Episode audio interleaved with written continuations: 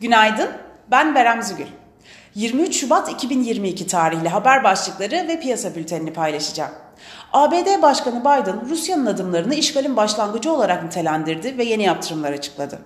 Yaptırımların korkulduğu kadar sert olmaması küresel borsaları desteklerken petrol fiyatları kazançlarının bir kısmını geri verdi. Erdoğan çevrim için NATO liderler zirvesine katılacak. Teknik göstergeler S&P 500'de düşüşlerin sürebileceğine işaret ediyor. Tahvil yatırımcılarının kısa vadeli enflasyon fiyatlamaları tırmanışa geçti. Piyasalara genel olarak bakacak olursak, pay piyasalarında ilk etapta güçlü negatif fiyatlama oluşmasına rağmen Rusya'nın Ukrayna'yı işgale yönelik bir adım atmaması ve henüz sıcak bir çatışma yaşanmaması nedeniyle borsalardaki satış baskısı kısmen sınırlı kaldı.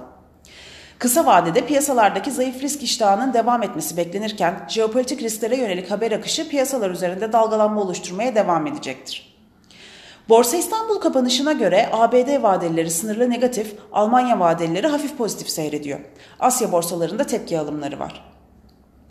Teknik analiz verilerine bakacak olursak gün içinde 1965-1974 aralığına gerileme trade amaçlı alım fırsatı, 2055 ve üzerine düşük hacimli yükselişler ise satış fırsatı olarak takip edilebilir.